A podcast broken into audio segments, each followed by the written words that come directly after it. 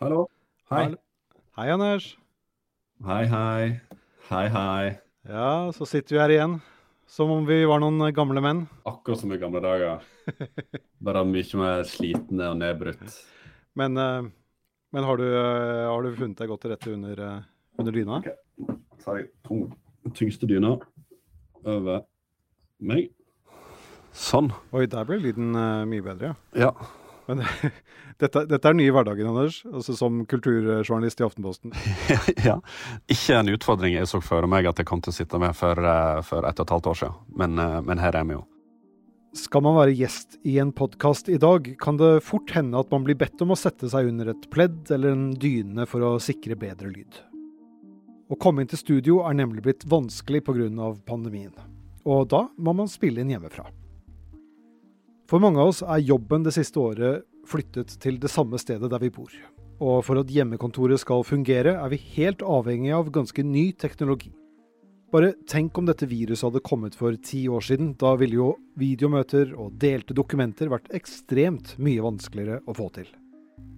Og under pandemien har teknologiutviklingen skjedd enda raskere enn før. Når vi en gang kommer ut på den andre siden, vil mye ha forandret seg. Du hører på Forklart, jeg heter Kristoffer Rønneberg, og i dag er det mandag 22. mars.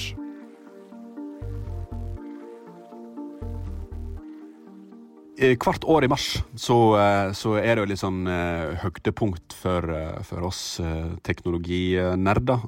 Anders Weberg er kulturjournalist her i Aftenposten. Og det er en, eh, en rapport som heter Tech Trends, som ble lagt fram av Future Today Institute. Det er rett og slett et fyldig, fyldig oppslagsverk eh, som har prøvd å samle sammen ulike digitale trender og ulike signal, som de kaller det, som skal gi deg en slags eh, oversikt over hvilke teknologiske fremskritt som er verdt å følge med på, og hva som kommer til å påvirke livet vårt eh, i tiden som kommer.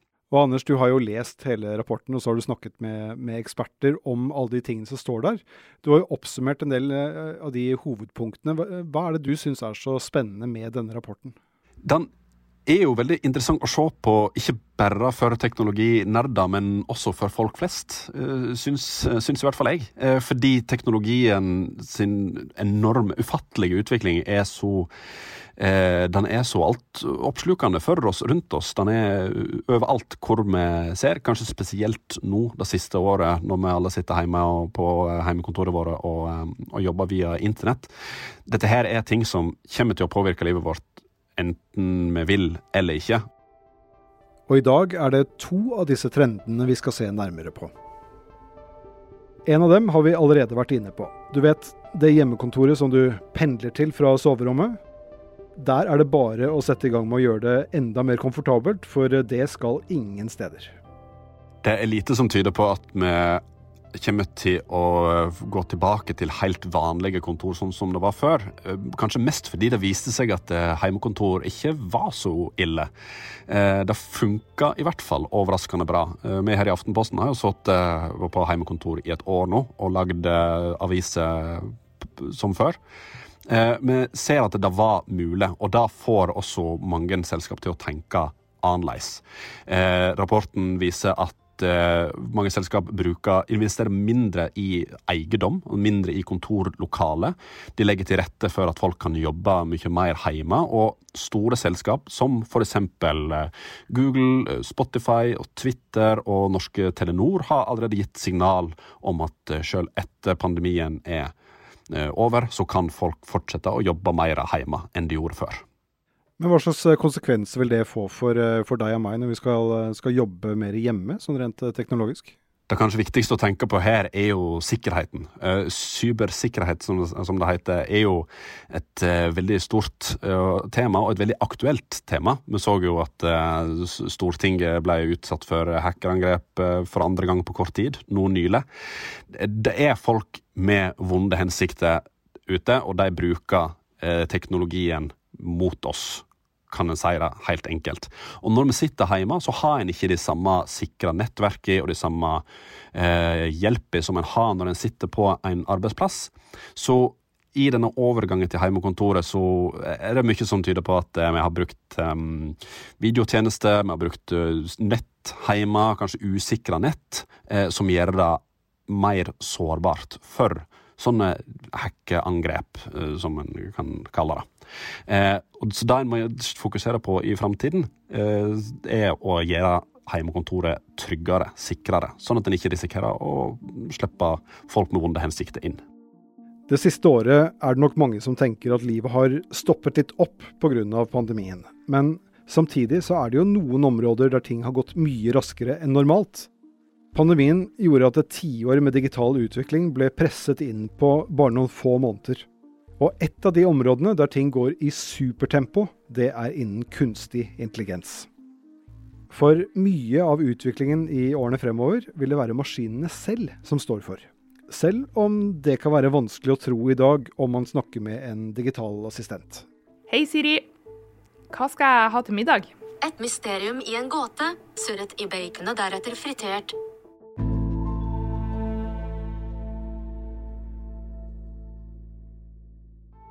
Altså, det er jo det som er litt morsomt med mennesker. Vi merker det jo ikke. Dette er Anita Schjøll Brede. Ikke sant? Hvis du, hvis du ser tilbake til um, la oss si 2015, 14 altså Det er jo da Hvor mange år blir det siden? Fem-seks år siden? Hun er gründer og ekspert på kunstig intelligens. Så var det jo um, praktisk talt ikke mulig for en maskin å gjøre noe så enkelt som å kjenne, kjenne igjen at en katt var en en katt på et bilde. Altså, 2013 så var det sånn Det er vanskelig, men vi tror kanskje at maskiner kan begynne å få det til. Og så var det ikke før i 2016 at Apple lanserte sin bildegjenkjenningsalgoritme som faktisk kjørte lokalt på telefonen. Og nå kan man plotte inn i telefonen, eller man trenger ikke engang å skrive med tomlene. Man kan, man kan bare si til telefonen Hei, Siri, kan du uh, finne alle, um, alle bilder som jeg har tatt av en skyskraper eller en katt eller et juletre? Og, men vi tenker jo ikke på det som spesielt smart. Men teknologien som ligger under der, er noe som man i 2007 sa dette er noe maskiner ikke kommer til å klare på lenge. Og så går det noen år, og så var det sånn Oi, oi, oi, nå er faktisk maskiner bedre enn mennesker på å kjenne igjen at en katt er et katt i et bilde. Uh, sånn, at, sånn, at, jeg tror ikke vi kommer til å legge sånn merke til det. Det er bare når vi titter tilbake på jo, men hvor var vi egentlig for ti år siden? Wow. OK. ok, Det her er ganske kult. I populærkulturen har vi jo lenge hørt om datamaskiner som utvikler menneskelige trekk, og som kanskje til og med blir så smarte at de overtar for oss. Filmer som 2001 eh, En romodyssé og TV-serier som Westworld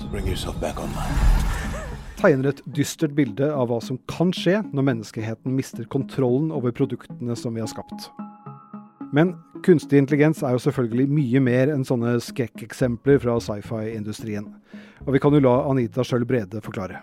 Den, den helt liksom uh, rolig stille for forklaringen er at på samme måte som uh, helt vanlig si, datateknologi, så er det en kombinasjon av, av hardware, altså en datamaskin, den fysiske maskinen, og software, altså koden som skrives. og og, og dataen som, eh, som, går inn i systemet som systemet lærer av. Sånn at vi, vi på en måte lager datasystemer som, som, fungerer litt mer sånn som vi tror hjernen fungerer. Altså at, at over tid så vil systemene se mer data og få en bedre forståelse av det problemet de, de, forsøker å løse. Noe av det Anita Schjøll Brede jobber mest med, er hvordan man kan bruke kunstig intelligens som et verktøy i forskningen.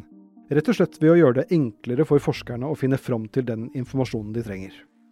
Verktøyet som hun har vært med på å skape, det heter Iris. Så det vi, det vi det, det, liksom det, store målet vårt med, med, Iris er å bygge det vi kaller en, en AI-forsker. Eh, og, og, mer spesifikt hva vi mener med det, er et, et, et, system basert på kunstig intelligens som kommer til å være et, eh, la oss kalle det et, et teammedlem eller et, verktøy i alle forskningsavdelinger som sørger for at de menneskelige forskerne har all informasjon og all data de trenger fra verden over, tilgjengelig på, ved fingerspissene på, på, et øyeblikk.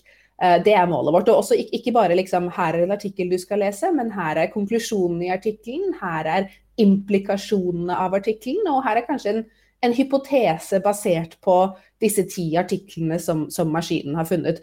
Og så er det opp til de menneskelige forskerne å, å gjøre det vi mennesker er gode på, som er, som er kompleks problemløsning. Um, sånn at det, det handler om å, å, å lage en, en, en, AI som, som skal sammen, samarbeide med mennesker. Det er det lange, si, den lange planen vår, det vi virkelig jobber mot. For å sette det i perspektiv. Noe som tidligere kunne ta en måned for en forsker å finne fram til, kan nå bli fikset på to minutter ved hjelp av kunstig intelligens. Og sluttproduktet, ifølge Anita, er også bedre. Forskning er også bare ett av områdene der kunstig intelligens blir viktigere og viktigere. Et annet sted der ting skjer veldig raskt, det er innen medisin. Altså Innenfor medisin så skjer det jo veldig veldig mye spennende. og Det er klart at det, er, det er, områder som er så, så, komplekse og har så mye data at, at de, de si, låner seg selv veldig godt til, til kunstig intelligens. Um, et, et, av utfordringene som er veldig viktig å huske på på uh, helsefeltet, er jo at data ofte er veldig dårlig tilgjengelig. Altså Tenk bare på, på en måte, personvernlovene og, og, videre I, i Norge og i EU. Det er veldig vanskelig å, å kjøre store kunstig intelligens-prosjekter på helsedata, fordi man får ikke bruke den. Men selv om teknologiutviklingen av naturlige årsaker blir begrenset av personvernet, er det masse som skjer for å bruke kunstig intelligens innen medisinfeltet. Og nå foregår det tester i Japan på eh, jeg tror det var en ny, form, ny type antibiotika som en kunstig intelligens har oppdaga sjøl. Rett og slett ved å lese gjennom genetisk materiale, forstå hvordan det fungerer, eh, og så lage medisin ut fra, ut fra det. Det er kjempespennende, og, og det er fullstendig mulig at i framtiden så kan en gå på apoteket og kjøpe medisin som er laga av en kunstig intelligens. Eh, og det kan gi oss eh, medisinske gjennombrudd framover. Og det er ikke bare på dette området rapporten peker på at vi vil få mer kunstig intelligens i livene våre fremover. Også skolen blir stadig mer preget av denne teknologien. Nå I dag får jo en hel klasse eh, den samme læreboka om å jobbe etter det samme nivået, selv om vi vet at vi er forskjellige og vi er på ulikt nivå. Mm, gjennom kunstig intelligens så går det sånn å tenke seg eh, egne lærebøker til hvert enkelt, hver enkelt elev, som er tilpasset hver enkelt sitt nivå. I praksis kan det gjøre eh, hverdagen vår mye enklere.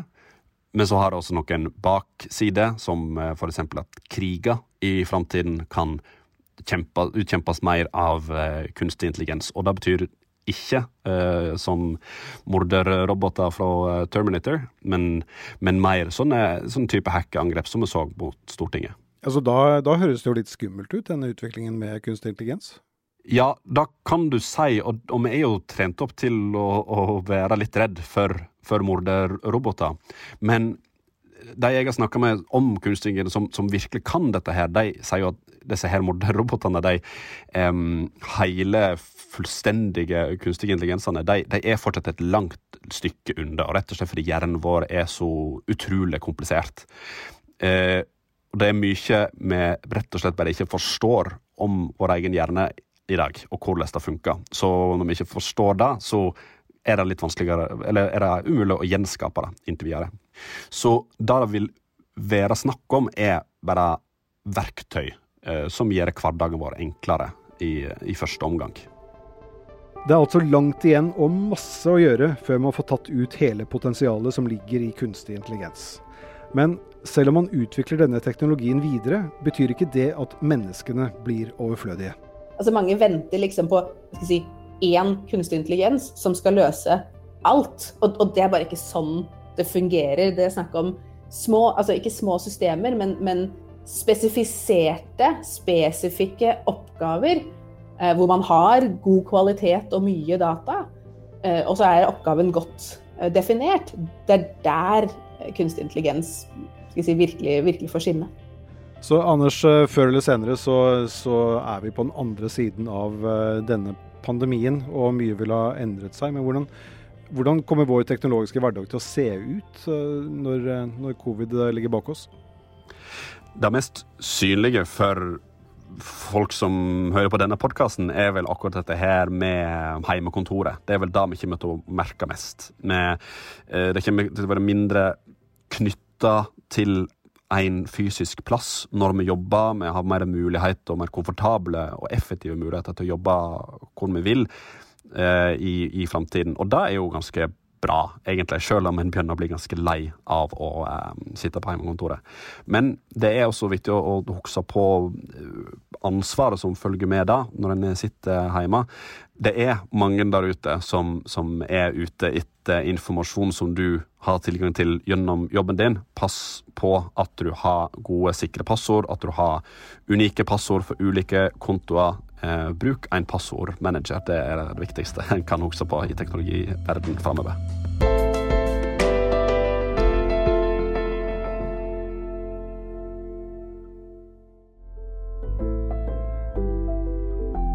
Denne episoden er laget av David Vekoni, produsent Fride Nesten Nonstad og meg, Kristoffer Rønneberg. Resten av Forklart er Caroline Fossland, Anne Lindholm, Marit Eriksdatter Gjelland og Ina Swann. Du har hørt lyd fra trailerne til 2001 En romodyssé, fra Westworld og fra Siri.